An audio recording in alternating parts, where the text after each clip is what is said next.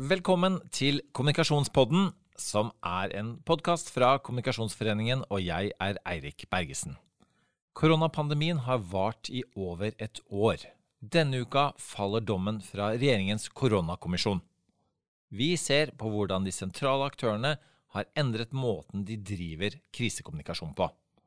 Vi får besøk av de godt antibakkede høyrehendene til Bent Høie og Camilla Stoltenberg nemlig statssekretær i Helse- og omsorgsdepartementet Saliba Andreas Korkornch og kommunikasjonsdirektør i Folkehelseinstituttet Kristina Rolfheim By. Da vil jeg ønske velkommen inn i studio, statssekretær i Helse- og omsorgsdepartementet Saliba Andreas Korkornch. Velkommen. Tusen takk. Det er veldig, veldig glad for at du har tatt deg tid til å komme innom her i en veldig hektisk eh, koronauke selv til hektiske koronauker å være. Det er jo ikke minst en, eh, en, rapport som kommer ut denne uka som du sikkert er veldig spent på. Men det er en ting jeg lurer på, og det er at du var politisk rådgiver i eh, Helsedepartementet, har vært det i hele denne tiden, også før det. Um, men nå er du blitt utnevnt til statssekretær med ansvar for nettopp koronasaker. Eh, og det skjedde i februar 2021.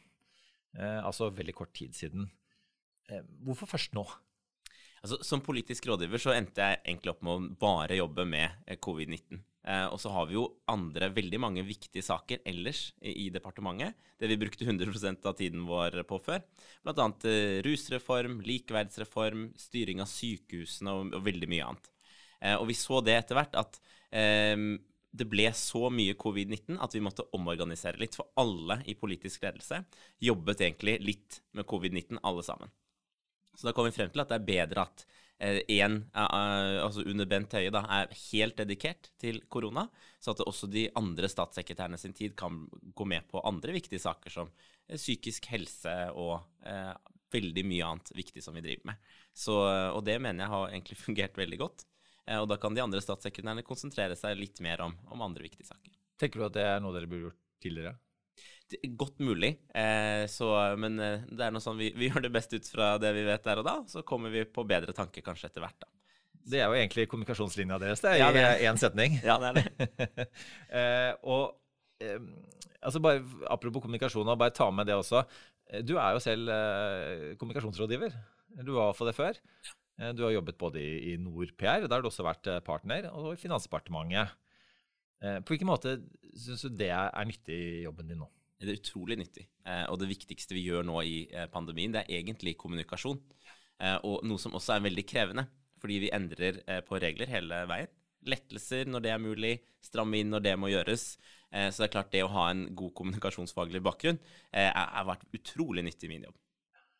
Og, og, hvordan er det opp mot Vi har jo hørt politikere si at de lytter til fagekspertisen, og da mener de tenker jeg ikke nødvendigvis kommunikasjonsrådgiverne, men, men de helse, eh, helsevitenskapelige rådene. Hvordan er det for deg å oversette noen ganger deres eh, vitenskapelige råd til, til, noe som faktisk er mulig å følge for, eh, for, vanlige folk i gata? Skal det sies at både Helsedirektoratet og FHI har veldig gode altså Selv om det er faglige råd vi får fra dem, så er det veldig godt skrevet og så forståelig som mulig. Eh, og så er det heldigvis sånn at jeg har en veldig god kommunikasjonsavdeling i departementet i tillegg, som hjelper med veldig mye av det. Eh, så vi jobber jo eh, veldig godt sammen og prøver selvfølgelig å se på er det noe her som kan bidra til eh, forvirring, kan det skrives enklere? Så det er veldig mange personer involvert i å gjøre det. Og så er det jo som sagt veldig mye endringer i regler hele tiden.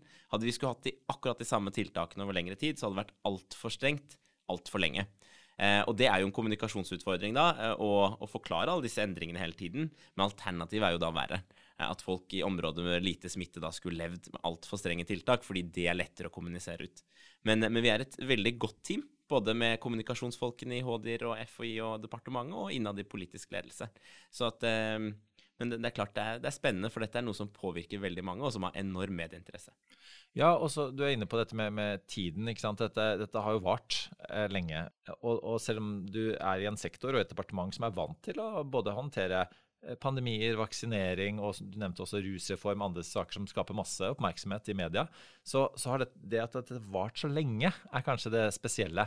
Og mye av krisekommunikasjon ofte er, er ting som er, er, man skal rydde opp i noe som allerede nærmest har skjedd vi er midt i det, eller ikke midt i det, forhåpentligvis eh, på slutten av det, mm. men, men, men, det pågår fortsatt. Mm. Hvordan er det, eh, det at krisekommunikasjonen rett og slett blir langvarig, mm. til forskjell fra, fra det du, du, er vant til før? Mm. Det, det, det, er krevende. Det er det. Det er klart at det er jo så å si de samme folkene som nå i over et år har jobbet døgnet rundt med dette. Mm. Man lærer seg jo noen triks etter hvert. Litt mer håper å si, vaktlag, sånn at det ikke er de samme eh, over tid hele tiden.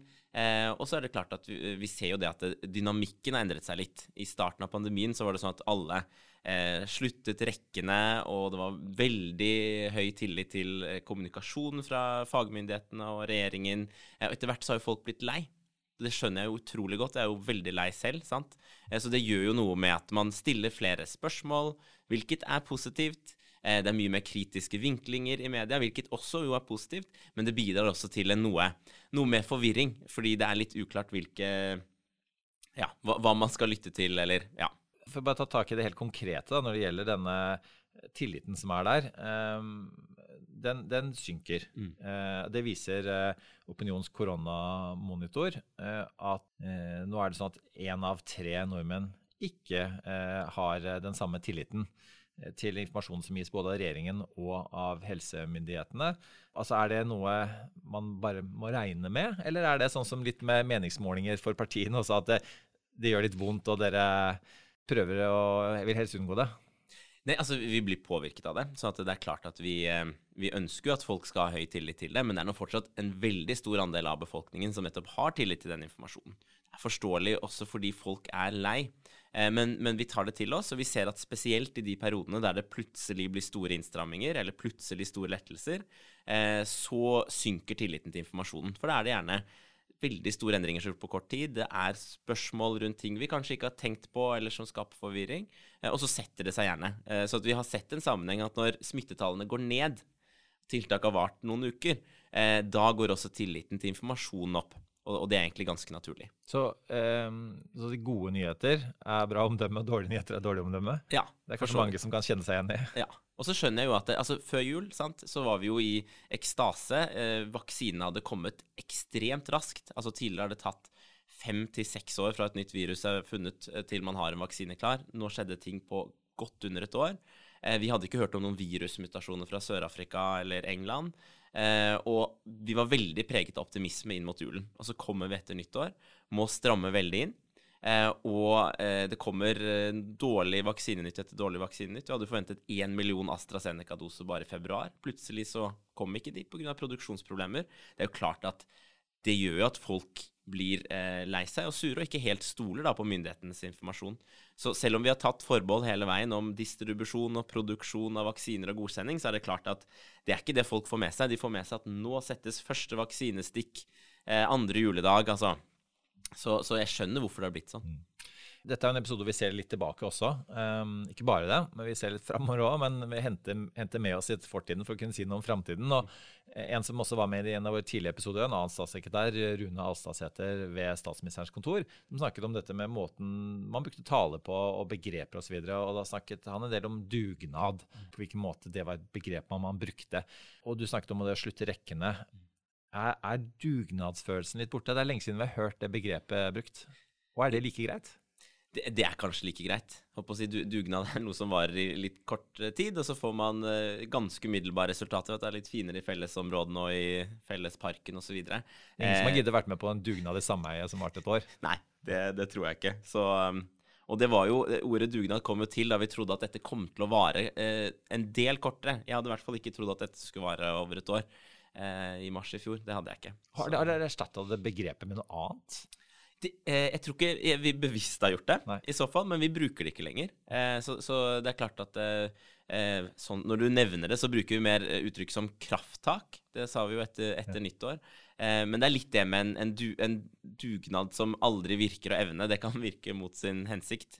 Men, men, lyset er der i, i enden av tunnelen. Altså, vi vaksinerer stadig vekk flere, og det er også viktig oppi all eh, kommunikasjonen om, om, plutselig strenge tiltak og virusmutasjoner osv., så, videre, så er det jo sånn at vi har nå er det jo over 800 000 personer som har fått minst én vaksinedose. Vi har satt over 1,1 millioner eh, doser, og vi får veldig mye doser fremover. Så det er klart at vi må jo balansere litt i eh, de budskapene. Eh, kan du si noe om den, eh, hvordan du og Bent Høie jobber sammen? Både sånn, altså rollefordelingen og hvordan måte, du er med og støtter altså personen eh, Bent Høie mm. i dette? Nei, altså... Eh, jeg er jo involvert i alt. altså Så kunne vi får en rapport fra Helsedirektoratet FHI, så, så leser jeg den. Og Eh, diskuterer gjerne med Bent, også de andre i politisk ledelse og embetsverket. Men er veldig tett på å lese alt av rapporter, og alt av saksbehandling opp mot regjering er jeg veldig involvert i. Eh, men eh, noe jeg har beholdt for så vidt fra den politiske rådgiverjobben, det er den kommunikasjonsfaglige biten. Så at eh, jeg har det politiske hovedansvaret for eh, pressekonferanser og innlegg og pressemeldinger eh, og hele den biten. Og det så vi at var en veldig stor fordel også da jeg var politisk rådgiver. fordi du må kunne alle detaljene fra alle rapportene eh, for å kunne ha en god nok kommunikasjon. Fordi selv om man helst skal ligge på et ganske overordnet nivå i pressekonferanser, så er jo spørsmålene ekstremt detaljerte. Hvordan påvirker dette den og den yrkesgruppen eller den og den personen? Eh, men vi så det at som politisk rådgiver så hadde vi veldig mange andre oppgaver eh, som gjorde at eh, det, det, ble ikke alltid god nok tid til de andre oppgavene. Covid-19 ble nå alltid prioritert.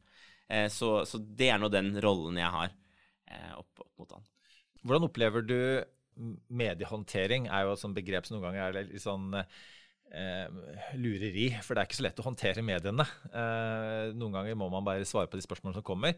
Men så har vi sett andre, igjen andre kolleger på, på statsministerens kontor som har blitt involvert i ja, nærmest det som har blitt betegnet som, som drittpakker. Molde-ordføreren var, eh, var, i kommunikasjon med med statssekretærer omkring eh, sitt utspill, eh, som, som, mange reagerte på, ikke minst Oslos eh, befolkning. De følte at, at det traff de, selv om ikke det var meningen. På hvilken måte jobber du strategisk med tanke på å håndtere media? Nei, altså Som du sier, media lar seg ikke håndtere. Og det er klart at de skal stille kritiske spørsmål. De skal kikke oss i kortene, de skal drive med både graving eh, på, på, litt lang sikt, og på å stille litt vriene spørsmål på pressekonferanser. Det viktigste for min del er egentlig og, eh, at vi har så gode innlegg på pressekonferansen, så gode pressemeldinger, at vi unngår i hvert fall spørsmål rundt hva er det dere egentlig mener. Eh, og så er det klart at det er veldig viktig at vi er tilgjengelige. Fordi denne saken har jo nå over veldig lang tid vært hovedsaken i media. Eh, så at vi må eh, finne en balanse på å stille at Bent Høie er tilgjengelig for media for muntlige spørsmål, oppfølgingsspørsmål, så ofte som mulig. Eh, samtidig som det er klart at han må ha arbeidsro til å jobbe opp mot regjering og Helsedirektoratet, FHI embetsverk, til å forberede sakene og, og drive kriseledelse. Så, så du, du, er ikke, når du er på ditt mest, frustrerte og syns at en del av kritikken enten er fra opposisjonen eller fra mediene er litt for urimelig, du har ikke sånn ringerunde til landets ordførere for å bare høre om ikke de har noe på hjertet? Nei, det har jeg ikke. Nei. Det har jeg ikke. Så også opplever jeg ofte at både kritikken fra opposisjonen og media, eh, den kommer jo ikke ut av intet. Veldig ofte eh, så er det jo helt legitim kritikk som går på eh, altså, hva er det dere egentlig mener. Eh, dere sier dette, men det er jo ikke logisk når man tenker på det. Altså, det er veldig mye gode ting som kommer ut av at media gjør jobben sin også. Og Apropos helt legitim kritikk, men som kanskje er litt vanskelig å svelge noen ganger. Erna Solberg eh, forsto ikke helt regelverket og endte i en situasjon hvor hun fikk en bot. Hva, hva tenker du, var det riktig at hun fikk den boten? Nå skal ikke jeg gå inn i de politifaglige vurderingene, men, men jeg syns eh, politiet hadde en veldig god begrunnelse for hvorfor de ga eh, henne en bot, og ikke ektemannen. Eh, for det er jo klart at de som setter, bestemmer hvilke regler og anbefalinger man skal følge, også må følge dem, det er veldig viktig for befolkningens tillit til reglene. Eh, og det er klart at når man bøtelegger eh, andre for eh, for brudd på koronaforskriften, så er det klart at eh, det er naturlig at også statsministeren blir det. Ja, for Hvis vi ser litt bort fra det politifaglige og ser på det kommunikasjonsfaglige, mm. kanskje var det eh, like greit eh, at hun fikk den boten, sånn hun dermed kunne på en måte være på nivå med, med folket? Ja, altså jeg, jeg synes i hvert fall det hørtes veldig eh, klokt ut at hun fikk en eh, slik bot. Så skjønte jeg jo på eh, politidistriktet at vanligvis så gir du ikke bøter selv om noe ikke er lov, så er det ikke sånn at eh, straff eller bot eller fengsel er det som er eh, målet. Målet er jo å hindre at noen gjør det igjen. Så som eh, politimesteren så fint sa, at vi veileder og har ikke noe mål om å gi en bot, men hvis man har ekstremt smittevernfarlige sammenkomster, eller blir bedt om å avslutte, men ikke gjør det, det er klart da kan bot eh, brukes. Hun så nesten litt letta ut da hun eh, kommenterte boten sin. det, det kan godt være. Ja, Apropos kritikk som kanskje ikke er like legitim. På lørdag var det jo demonstrasjon utenfor Stortinget. og Da var det appeller bl.a. om at pandemien er en bløff, at det norske folket er hjernevasket, at bruk av munnbind er brudd på menneskerettighetene. Disse menneskene frykter at ytringsfriheten deres er truet. Det var kronet med ett minutts stillhet for en koronafornekter som tidligere i uken døde med korona. Saliba Andreas Korkunsch, er ytringsfriheten til disse menneskene truet? Eh, det vil jeg ikke si. Eh, og det at de faktisk får demonstrere foran eh, Stortinget, selv om de bryter smittevernreglene, og får ytret seg og får veldig solid mediedekning, viser jo at det er den ikke. Og jeg mener det er helt legitimt å bruke ytringsfriheten sin, men det er klart det vi har sett når Eh, koronaskeptikere eh, blir eh, smittet eller er involvert i noen situasjoner, og smittesporerne skal ta kontakt med dem, så ser vi at de eh, har vært rapporter om at de lyver eller ikke ønsker å samarbeide, slik at viruset får spre seg videre. Og Det er klart, det er veldig lite klokt. Eh, men samtidig så, så, er det jo noe dere må følge opp, eh, fordi at det er en del av dette. Og helt konkret, hva, hvordan forholder dere til, til denne typen kritikk? Det er rett og slett ved å imøtegå den. Eh, og rett og slett svare på det de, eh, de innvendingene de har. Eh, Hjelper det? Jeg vil si at Hvis du ser ellers i Europa, så er det jo klart at de demonstrasjonene mot tiltakene er jo ofte veldig, veldig mye større. Det omfatter veldig mange flere mennesker. Hvorfor det? Er det noe dere gjør riktigere her i Norge? Altså, det har jo jeg må si at Relativt sett så har det gått veldig bra med Norge under pandemien. vi har relativt sett veldig lave dødstall. Vi har hatt relativt eh, sett få smittede. Eh, og eh, ganske mildere tiltak enn veldig mange andre land har, der det har gått veldig mye dårligere. Så det er klart at når du ser andre land i Europa som da har hatt vedvarende lockdowns, portforbud over månedsvis. Det er klart at det fører til en større frustrasjon enn det gjør i Norge, der vi etter beste evne har prøvd å lette når det er forsvarlig og mulig, og strammet inn når det er nødvendig. Mm. Eh, kom kritikk bl.a. fra kyndig kommunikasjonshold, Mina Gerhardsen, hun har skrevet bok om kommunikasjon, om at dere brukte litt for mange ord og litt for mange pressekonferanser. Og Det var noe som, som traff bra i kommunikasjonsbransjen. Ble, ble likt og delt uh, mye. Det utspillet som, som uh, man kan lese mer om på kommunikasjon.no. Hva, hva, tenker du som kommunikator om, om det? Det er en balansegang. Eh, vi, vi, skal ikke ha pressekonferanser for å ha pressekonferanser. Samtidig så er det sånn at det kommer veldig mye koronanyheter hele tiden. Og media er veldig opptatt av å få Bent Høie og Erna Solberg og Camilla Stoltenberg og Bjørn Gullvåg i tale. Eh, så det er klart at vi må ha eh, mange nok pressekonferanser til at vi kommer ut med de viktige nyhetene og gjør dem tilgjengelig, men ikke så mange eh, at vi bare har det for å ha det. Og det er noe vi er veldig bevisste på. For det, for det, er også litt sånn, kanskje i motstrid med vanlig eh, praksis i gåseøynene når det gjelder krisekommunikasjon, men nemlig det, at, at, man vanligvis ønsker seg mest mulig informasjon selv når det ikke er ny informasjon å komme, så vil folk vite det. Mm. Dette er forskjellig eh, fra typisk krisekommunikasjon, er det ikke det? Jo da, jo da, sånn sett. Altså, ofte sier, altså, Fraværet av informasjon er jo også en, en nyhet, eh, for så vidt. Men vi har sett i starten av pandemien hadde vi eh, vanvittig mange pressekonferanser. Nå i det siste, selv om det har skjedd veldig mye, så prøver vi å ha maks én til to i uken. Som jo også er veldig mye, men det er klart at det er jo veldig mye viktig som skjer også. Eh, så jeg tror at vi hadde fått mer kritikk om vi hadde hatt for få, enn, at vi eventuelt har for mange. Vi skal ta med et, eh, et annet innspill, og det er fra, fra, en av våre lyttere. Det er Ingunn Halvorsen, som er senior kommunikasjonsrådgiver i NAB, som spør hva er det mest kreative, skråstrek uvanlige grepet dere har gjort eh, innen kommunikasjonen?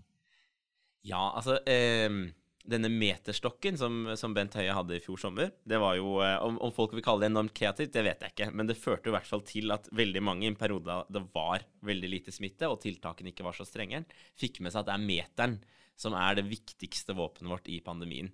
Eh, så det er klart at den eh, virket å gjøre en del inntrykk, og skapte mange gode bilder i media. Det var noe parodivideo osv. Så den, den, mener vi vi lyktes veldig godt med. Um, men også da de uh, for, for, vi har prøvd å ikke ha for mye powerpoints og sånn på disse pressekonferansene. Men noen ganger så må vi ha noe visuelt for å understreke noen poenger. Uh, og uh, Irland-eksempelet, altså Irland og Norge hadde fulgt hverandre veldig lenge, gjort det ganske så bra i pandemien. Eh, få dødstall, eh, høy etterlevelse av tiltak osv. Og så gikk vi, til en, vi til en situasjon da, før jul der hvor Irland plutselig gikk fra å ha blant Europas laveste smittetall til å ha verdens høyeste smittetall etter nyttår. Så prøvde vi å illustrere at det, det var pga. den engelske virusvarianten. Den kan like gjerne ramme Norge. Selv om det klart er forskjeller mellom Norge og Irland, så er det også mange likheter. Eh, og da eh, printet ut på noen sånne store plakater eh, et oppslag fra, fra, før jul, der hvor det var Irland, nå galt bra Irland, og nå åpner vi. Så var det bilde av en veldig populær bar i, som veldig mange nordmenn har møtt. Og så tok vi et bilde fra etter jul, der det var at Irland har nå de høyeste tallene i verden. Bare for å illustrere at det er bare snakk om noen uker. Hvis man først mister kontrollen, så kan det gå riktig så ille. Så det er sånne grep som, som jeg føler vi har lyktes med, i hvert fall. Mm. Eh, helt til slutt, eh, Saliba. Eh, vi ser tilbake på ett år med koronakommunikasjon. Vi er i en tunnel hvor vi har begynt å se lyset i andre enden. Kan du love oss at vi ikke sitter her om ett år igjen og spør deg hvordan går det nå, og hvordan har dere justert dere? Altså er det noe jeg har lært, er at vi kan ikke love noen ting når det kommer til en pandemi. Men det er ekstremt lite sannsynlig at vi sitter her om et år og snakker om det. Eh, for nå er det sånn at vaksinene har blitt utviklet på rekordtid. Og ikke bare én vaksine. Nå har vi jo titalls vaksiner som fungerer. Og, og i EU, som er godkjent til bruk i Norge, er det jo eh, allerede eh, fire, og det kommer stadig flere.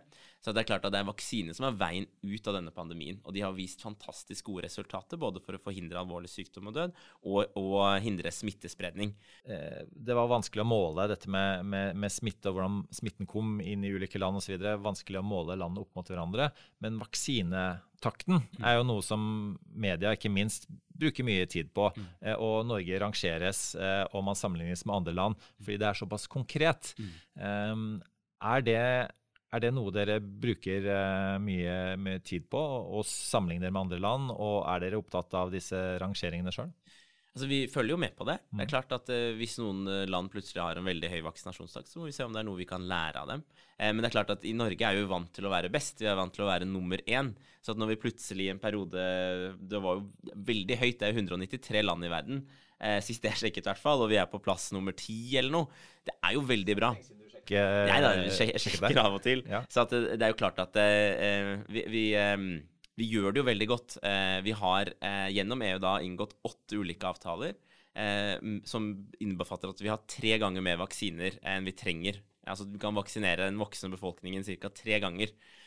fullvaksinere dem. Sant? Så vi har tilgang til veldig mye vaksiner. og selv om takten har gått noe saktere enn det vi håpet på, bl.a. etter man én million færre vaksinedoser i februar, som vi jo hadde regnet med at vi skulle få, så, så, går det veldig bra. Og de landene som har gjort det eksepsjonelt bra, de er noe heller, slik som Israel er noe heller unntaket som bekrefter regelen. For hvis vi ser på andre rike land, som også er mye større enn oss, eh, Japan, Australia, Canada, som har gått alene og forhandlet med legemiddelselskapene, eh, de startet jo, flere av disse landene startet jo med vaksinering først i februar mens vi startet da i desember. Så det er klart at det, det er viktig å vite at det, eh, selv om Norge er, er suverene innen ski bl.a., eh, så er vi ikke det i fotball.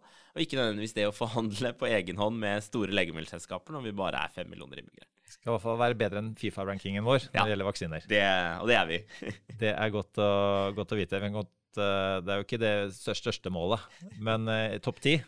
Uh, ja, jeg skal ikke tallfeste noe, men altså, så lenge vi fortsetter den, den takten, så, så, vil mye kunne være eh, mer som normalt da. Sta, første skritt begynner første halvdel av mai, forhåpentligvis. Og så vil vi da i løpet av sommeren kunne ha et eh, mye mer normalt eh, samfunn. Det gleder vi oss eh, til, og er også veldig glad for at du var med oss i dag, Saliba. Og takk for innsatsen, og lykke til videre. Takk for at jeg fikk komme. Da vil jeg ønske velkommen i studio Kristina Rolfheim By, kommunikasjonsdirektør i Folkehelseinstituttet. Velkommen, Kristina. Tusen takk.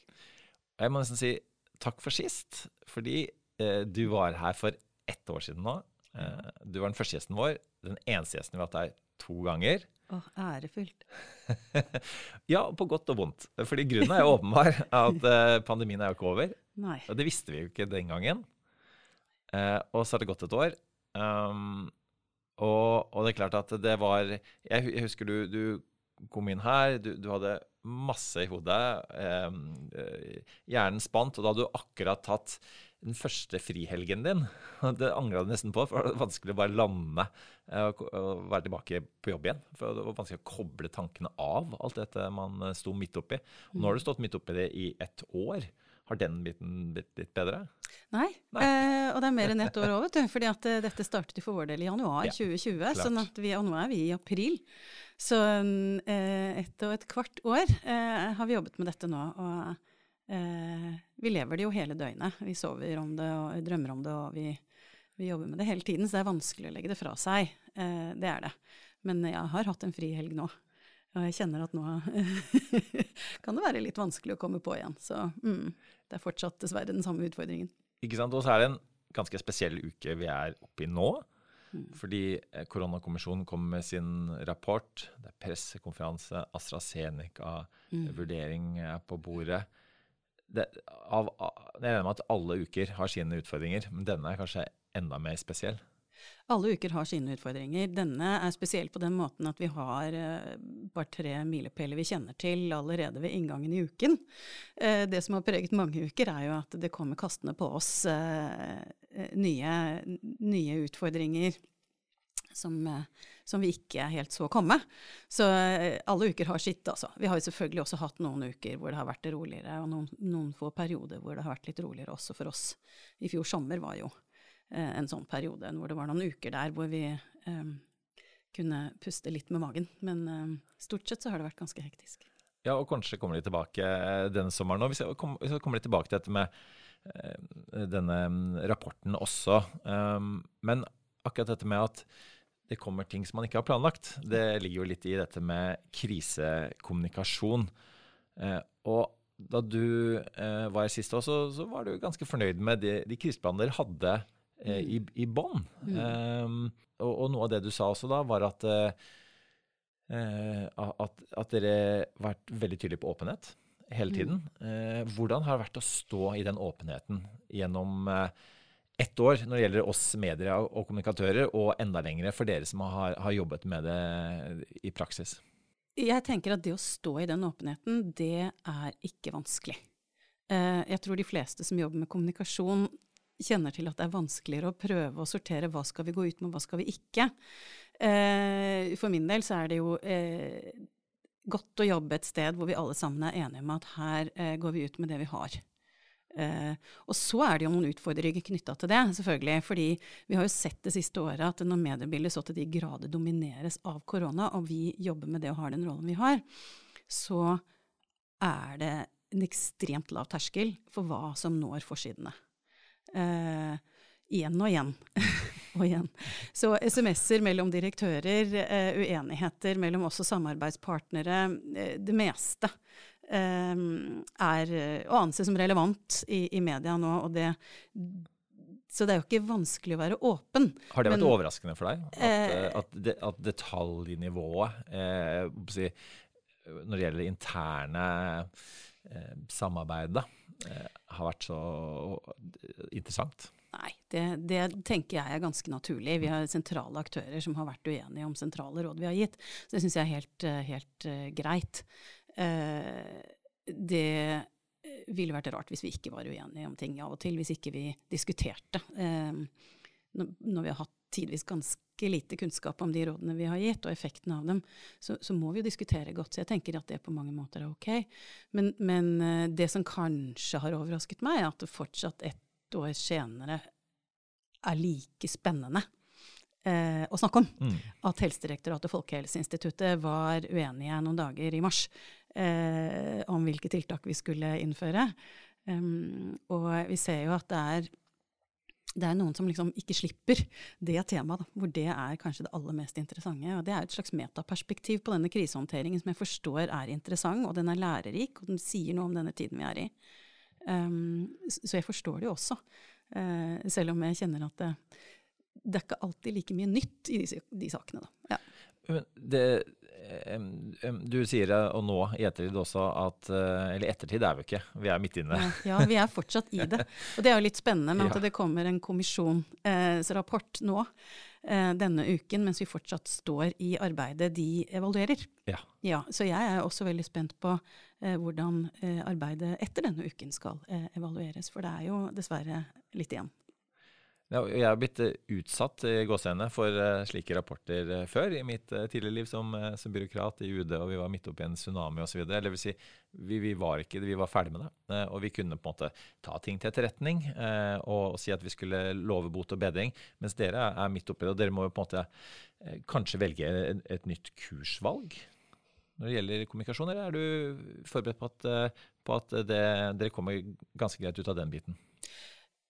Åpenhetsbiten tror jeg vi kommer greit ut av. Mm. Uh, der har vi også anstrengt oss for å prøve å være litt gode, da. Um, og selv om vi har fått litt kritikk for at ikke vi svarer på innsynsbegjæringer raskt nok, så må jeg bare si at uh, vi har, faktisk en av de tingene hvor vi har omprioritert en del ressurser til nettopp å gjøre det bra òg. Altså selv om ikke vi er bra nok, så, så er jo det et av de områdene hvor vi faktisk ha, allerede har lært og ser at i vår egen evaluering etterpå så må vi gjøre om på kriseplanene våre knytta til det. Men, men, de andre sidene ved åpenhet, det, det, tror jeg, det, tror jeg vi skal stå ganske trygt og greit i. Um, utfordringen vår, og der vi uh, ser at det blir vanskelig, det er har, det at vi har skiftet råd. Uh, og at det er flere kanaler, uh, og at rådene tidvis har um, særlig de, de, eh, forskriftene og unntakene fra forskrift har vært vanskelig å kommunisere eh, lett. da. At mm. det har mm. vært litt lett å snuble i. Det, det, tenker jeg jo at vi vil få litt fortjent kritikk for. Så når du ligger eh, våken om natta, eller du til og med du drømmer som du sier, eh, om disse tingene her, mm. er, det, er, det, det som du gruer deg litt til eh, denne, akkurat denne uka? Gruer meg egentlig ikke så veldig Nei. mye. Jeg tenker at Har du blitt vant til å få kritikk? Det, er, det, det hører jo med til, til jobben eh, når man jobber med en pandemi, og man er en del av helsemyndighetene. Ja, ja eh, vi blir jo vant til det. Eh, det har jo vært mye debatt rundt både rollen vår og rådene våre eh, det siste året. Sånn, så, så, der jeg nok tidligere hadde hatt litt høyere skuldre, er de nok litt lavere nå. Um, men, men uh, fordi vi Det har vært vanskelig, og jeg ser at det er ting vi har gjort som i etterpåklokskapens veldig klare lys kan se ut som om vi burde gjort uh, noe annet, eller sagt noe annet. Ja, Hvis man tar tak i det da, og, og spør hva ville dere gjort annerledes uh, nå, basert på dere nå vet, til forskjell fra hva den strategien dere la opp da dette skjedde? Hvilke sånn konkrete ting vil du trekke fram da? Jeg husker jo at jeg allerede for et år siden reflekterte over at vi uh, var overrasket over et par sånne ting som var litt sånn eh, tekstbøk risikokommunikasjon, som handler om eh, at man skal gi befolkningen informasjon om risikoen de står i, slik at de selv kan ta valg for seg selv. Det er tekstbøk. det er det vi alle har lært på, på, på risikokommunikasjonsskolen. Og så ser vi jo, og har jo blitt overrasket gang på gang, over i hvor stor grad befolkningen har ønsket seg påbud og forbud um, Dvs. Si deler av befolkningen har ønsket seg påbud og forbud i mye sterkere uh, grad enn det vi kanskje var forberedt på. Så det har vi jo lært. Der, der har vi gått et stykke også på kommunikasjonssiden. Mm. For husker jeg vi snakket om sist, dette med altså, ja, akkurat hvor mange meter eller centimeter, akkurat mm. hvor mange personer mm. i hvor store arealer det er ikke helt enkelt, å, selv for en forsker, eh, å ta en vitenskapelig beslutning på. Eh, og, og, når, som du sier, ikke alle, men veldig mange ønsker seg nettopp det, mm. så blir det en litt annen måte å, å kommunisere på mm. enn det kanskje var forberedt på. Ja, det er mange som ønsker seg klare råd. Det har jeg jo stor respekt for. Jeg skulle gjerne gitt uh, tydelige råd uh, i enda større grad enn det vi klarer også. Og Samtidig så har jo vi en faglig, skal vi ha en faglig begrunnelse for de rådene vi gir, og så har vi hatt et svakt kunnskapsgrunnlag hele tiden, og det har vi jo til dels fortsatt. Det er, uh, det er jo sånn at når du skal anbefale et legemiddel, så er det jo grundig utprøvd. Eh, ikke sant? Eh, etter alle kunstens regler. Eh, og dermed så vet man jo en del om nytte og risiko knyttet til det legemiddelet. Men når du skal teste et tiltak, et samfunnsmessig tiltak, eh, om arrangementer, hvor mange mennesker kan det være på et arrangement altså Det er ikke testet på den måten, og vi får heller ikke lov til å teste mm. det på den måten. Vi har ønsket det. Eh, og blant annet så har vi jo bedt om å få lov til å forske på skolestengning ved å ha noen åpne og noen stengt, for å sjekke nettopp effekten av det tiltaket. Men det er etisk problematisk å forske på. Dermed så har vi jo gitt en del råd hvor vi må bruke vårt beste faglige skjønn. Mm. Eh, og jeg tenker at det faglige skjønnet er bedre enn det eh, du kunne gitt. ikke sant? Eh, men, men, det åpner jo for mye diskusjon. Både fra fagpersoner i samme fagdisiplin, epidemiologi og annet, og, og fra folk flest som lurer på hvorfor er det sånn. Og det er jo veldig gode spørsmål å stille. Ja. Så vi har jo fått masse spørsmål til de rådene vi har gitt, og det forstår jeg godt. Og når du bruker uttrykket 'folk', en av de tingene du, du sa sist, var at eh, dere var nok ikke eh, i valget av kanaler eh, mm. tidlig nok ute når det gjelder sosiale medier, og kanskje da møte folk på deres arena. Ja. Eh, hvordan, Det er dere åpenbart blitt bedre på. Eh, kan du si noe ja, om det? Takk. Ja, der har vi jo, Det er jo en av de um, kanalene vi bruker ganske aktivt. Det bruker vi mye ressurser på. Um, det er uh, ganske tøft å stå i for de som har de sosiale medievaktene. Um, men uh, vi er den aktøren nå på helsesiden som gjør det. Uh, så vi føler litt at vi tar en for laget der ved å være Altså alle er på sosiale medier, men vi har noen som har som jobb å svare ut hele tiden. så prøve å svare på kommentarer og passe på å moderere det kommentarfeltet. Eh, sånn at det ikke blir stående mange spørsmål ubesvart. Så vi bruker det jo ganske aktivt. Det er jo en én-til-mange-kanal, det også. Mm. Men det har en litt annen form da, uh, enn den uh, noe med det statiske nettkommunikasjonen og også en media. Så uh, vi bruker litt ressurser på det, ja. Og I tillegg til de organisasjonene dine som gjør den typen jobb, så har du noen ledere som er veldig synlige. Og du, du sa sist at det var ikke forberedt på den massiv oppmerksomhet fra media at det er bare x antall personer. Og mm. eh, man har ikke klart å klone dem. Men, men, mm. men nå, eh, et år seinere, eh, så, så, føler jeg nesten at dere ikke trenger å, å klone dem. For vi har jo sett en eh, Camilla Stoltenberg, da, eh, din, eh, mm. din, kollega, og, og, og, også selvfølgelig Espen Nakstad, overalt. Mm. I alle fora. Mm. og man skulle jo tro at de var, var klonet det er helt åpenbart at det har vært viktig eh, for dere å mm. være eh, synlig overalt. Alt. Mm. Altså, hvordan har det vært mulig, ikke minst for, de involverte selv, som du gir råd til? Ja, nei, Vi skulle vi veldig gjerne ha klonet dem. Fortsatt, det kan jeg bare si med en gang. Eh, det har vært viktig for oss å, være i og, og, det har vært et valg vi har gjort, som, som uh, jo har preget oss gjennom hele dette året. Det er at vi ønsker å si ja så ofte som mulig til så mange medier som mulig. For vi tenker at hvis ikke vi gjør det, uh, så er det noen andre som dekker den flaten. Når vi er i en pandemi, føler veldig sterkt ansvar for å komme ut med den, den uh, så god kommunikasjon og så gode råd som mulig, og så god kunnskap som mulig. Um, så det er jo et, et, valg vi har gjort. Men jeg, jeg kan si at Uh, vi skulle veldig gjerne ha, ha, klonet dem, ja, for det er den samme utfordringen eh, nesten ett og et halvt år etter, eh, at eh, de personene vi har, de jobber egentlig fulltid med å gjøre overvåkning, være i møter, gjøre vurderinger, diskutere, skrive svar på oppdrag. Eh, og hundrevis av oppdrag fra regjeringen som, skal, som har vært levert. Eh, og det er de samme menneskene det er akkurat de samme menneskene. Og, og, og, og, det går jo ikke noe ut fra Folkehelseinstituttet uten at Line Wold og eller Camilla Stoltenberg har sett på det, sånn at de også kan uh, både uh, kjenne til det som står der, men de har jo gjerne vært med å utarbeide det også. Mm. Så, så, de er helt uh, rå. Det kan jeg bare si. Vi har ikke en som, vi har ikke en som er satt av til å være talsperson og ha det som egen jobb. Um, vi har jo valgt den strategien at de fagfolkene som kan det best, er de som skal også ta media. Og det har kosta mye for de det gjelder, det kan jeg bare si med en gang.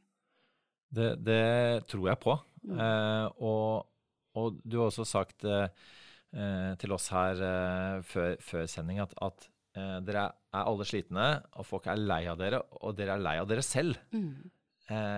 Hvor, hvor, hvordan føles det? Det er, jo, det er, jo, litt sånn nå at når noen kommer bort til meg nå og sier takk for jobben dere gjør, og det, det skjer jo, og det er veldig hyggelig, um, så blir jeg så glad nå. Mm. Eh, fordi jeg trenger det mye mer nå enn jeg gjorde for et år siden. Mm.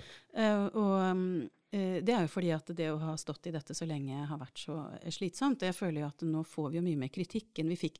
Til å begynne med så var det jo veldig mange som ville ha den kunnskapen vi hadde å kunne by på, og var takknemlige for å få eh, vite det vi eh, fikk vite og delte. Nå, nå, er jo mye kritikk på et sånn metaplan. Folk er møkk lei hele denne pandemien. Eh, og det fester jo ved oss. Eh, ikke sant, Som å komme med de rådene hele tiden, og av og til ganske dårlige nyheter. Det er ikke, det er ikke stas å være de som sier vet dere hva, folkens, vi må holde på de tiltakene noen uker til, for det er faktisk for mye smitte i samfunnet fortsatt. Det er ikke, det er ikke en ok rolle å, å, å, måtte fylle på andre året. Er, er, det sånn at dere føler at, at liksom nesten uansett hva dere sier, så, så er folk kritiske? Nei, jeg opplever at vi er veldig mange altså, herligheten, befolkningen at large i Norge har jo virkelig vært flinke til å følge disse rådene. Mm, mm. Veldig mange er veldig forpliktet til dem.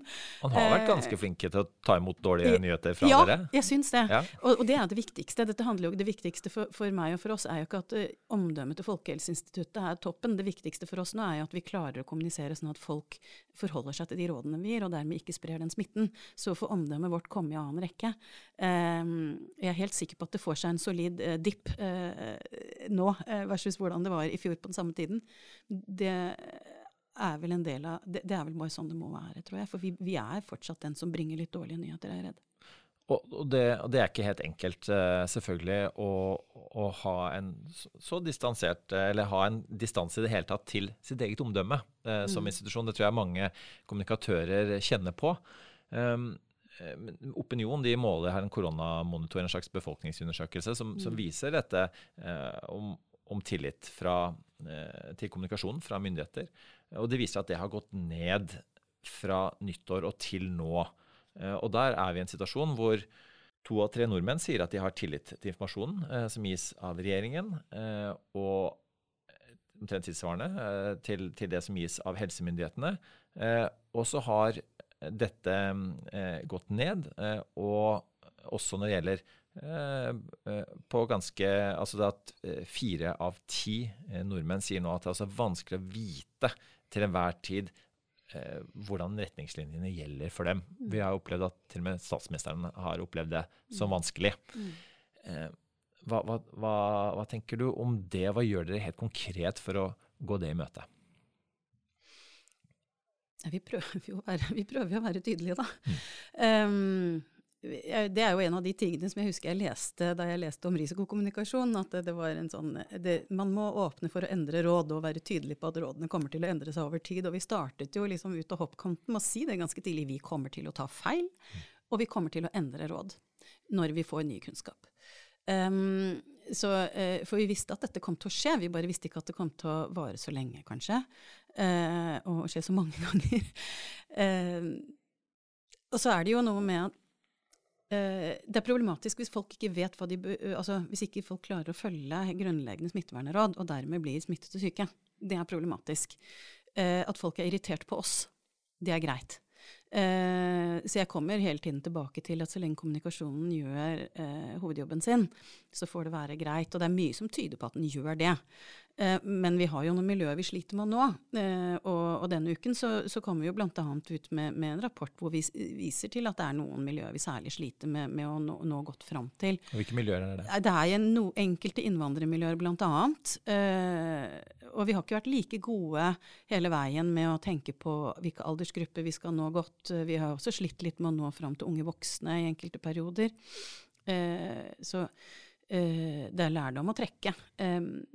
Av dette, men, men eh, Og så er det jo slik at vi har også gjort et valg når vi sier at vi, vi mener nok at tiltakene skal være lokale all den tid det er mulig. Og Da betyr det jo da at det vil bli litt forvirring mellom hva som er nasjonale råd, og hva som er et lokalt påbud. Um, jeg er litt usikker på hvordan vi skulle klart å unngå det, eh, med mindre vi skulle sagt at hele landet fortsatt må følge akkurat de samme reglene. En ting dere har fått konkret eh, kritikk på, eh, også fra eh, personer i kommunikasjonsbransjen, dette med mm. Eh, vi snakket om disse kanalene. Man mm. velger at, at, det har vært noen ganger litt sånn eh, kanalkaos er et begrep som har blitt brukt. At det er for mange nettsider. At folk, folk blir forvirret. Du sier at mm. det, det, er ulike plan man må kommunisere på, kommunalt og statlig mm. osv. Men um, hva, hva, tenker du om, om det? Altså hva hva kunne dere gjort, eller kan dere fortsatt gjøre annerledes når det gjelder hvordan det sluser folk til den informasjonen? Ja, nei, vi har jo egentlig én kanal, um, som er helsenorge.no, hvor befolkningen skal kunne henvende seg og få svar på det de vil. Der har vi rigget oss med en chatbot, og vi har en, en tilpasset publikumsinformasjon uh, hele tiden.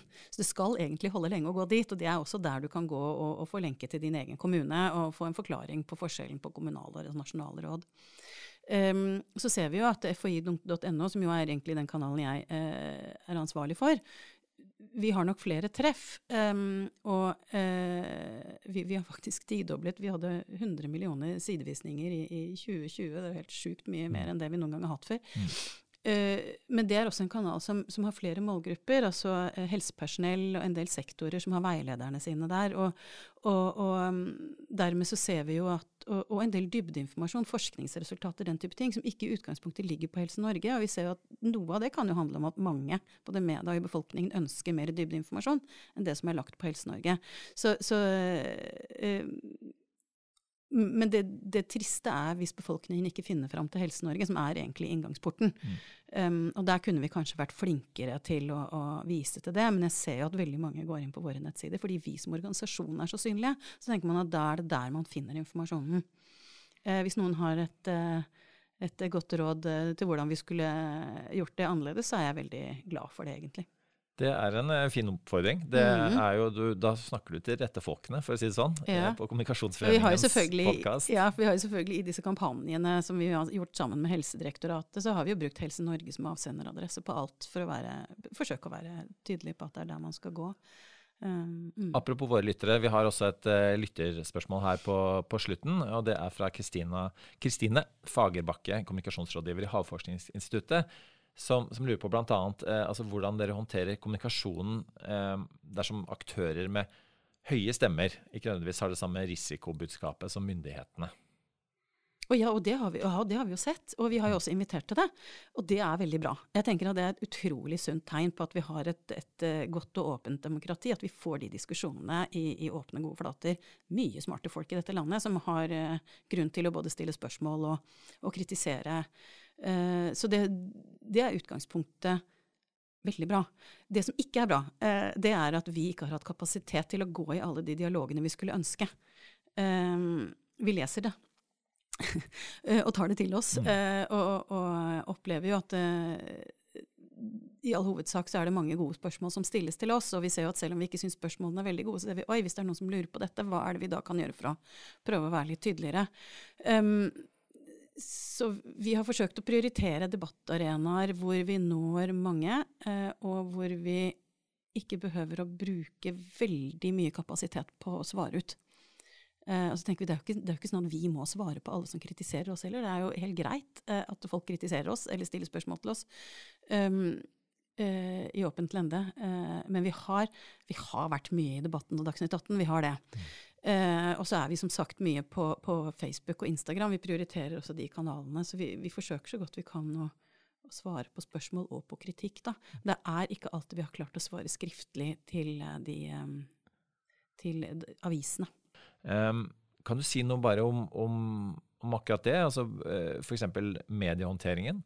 Hvordan det har endret seg fra å ha ja, stadig, eh, det stadig, stadig færre fagspesialiserte ja. journalister. Til, til, nå har du hele redaksjoner som jobber med dette døgnet rundt, nærmest. Ja, det, en, eh, det, er jo en av de tingene som jeg har tenkt mye på. at vi, Jeg husker jo for, for en tid tilbake så var det jo frustrasjoner i, i, både redaksjoner og hos oss f.eks. For, for at man etter hvert ikke hadde nok spesialister. Um, helsejournalister var jo det vi uh, merket at, at, man kanskje ikke i så stor grad hadde. Mens nå ser vi jo at eh, flere redaksjoner virkelig har investert i, i eh, tema, selvfølgelig. Men også at journalistene er så innmari oppriktig interessert og nysgjerrig. Så når vi er er på pressekonferanser, så blir vi gjerne stående lenge. Um, fordi vi kanskje er de som representerer fagkompetansen på de pressekonferansene, så blir vi ofte stående lengst og snakke lenge, bare fordi at journalistene har så mange spørsmål ting de lurer på, bare som bakgrunnssamtaler. Og det er veldig givende for oss, uh, og, og, åpenbart så merker vi at det også får en positiv effekt, fordi spørsmålene vi får uh, fra media, er gode de er kritiske, og de kan være vanskelige. Men, men, men de er ikke lettvinte eller og ofte, da. Noen redaksjoner har virkelig investert i, i kompetanse og, og bruker et helt enormt engasjement. Jeg tror noen av de journalistene i både VG og Aftenposten de, de jobber også kjempemye, tror jeg. Eh, like mye som oss. Mm. Og på enkelte områder så kan de snart like mye som oss. Eh, og det gjør jo at eh, saken og dekningen blir god, da. Mm. Så vi setter pris på det, selv om noen av spørsmålene vi får da er vanskelig å svare godt på. Vi setter også veldig pris på eh, Kristina, at du var med oss igjen og prioriterer eh, eh, å komme hit og, og, svare på de kommunikasjonsfaglige sidene av eh, dette, og må også få legge til eh, takk for eh, jobben dere gjør. Ja, tusen takk. og nå kan ikke lytterne se, men du, du eh, smiler og blir oppriktig glad. Det ser jeg, du smiler fortsatt. eh, og, og, jeg vet at det vil være vanskelig for oss å slippe deg, for det er så mye vi lurer på også. Men du har nye telefonmeter eh, å gå i, og når jeg ser på klokka at du er allerede for sein til den vi lovte at du skulle eh, prøve å rekke. Det Men du hadde en plan B. Stadig, det, det var noen andre som skulle overta eh, den hvis dette trakk ut. Så ja. tusen takk, eh, Kristina, for at du kom til studio igjen. Tusen takk for meg. Takk også til deg som hører på. Har du noen innspill, kan du sende mail til tips at kommunikasjon.no. Mitt navn er Erik Bergesen. I redaksjonen har jeg med meg Malin Sundby Revå, Anders Ringen og redaktør Mari Mellum. Vi høres igjen om tre uker. Du har hørt en podkast fra Kommunikasjonsforeningen. Les mer om oss på kommunikasjon.no.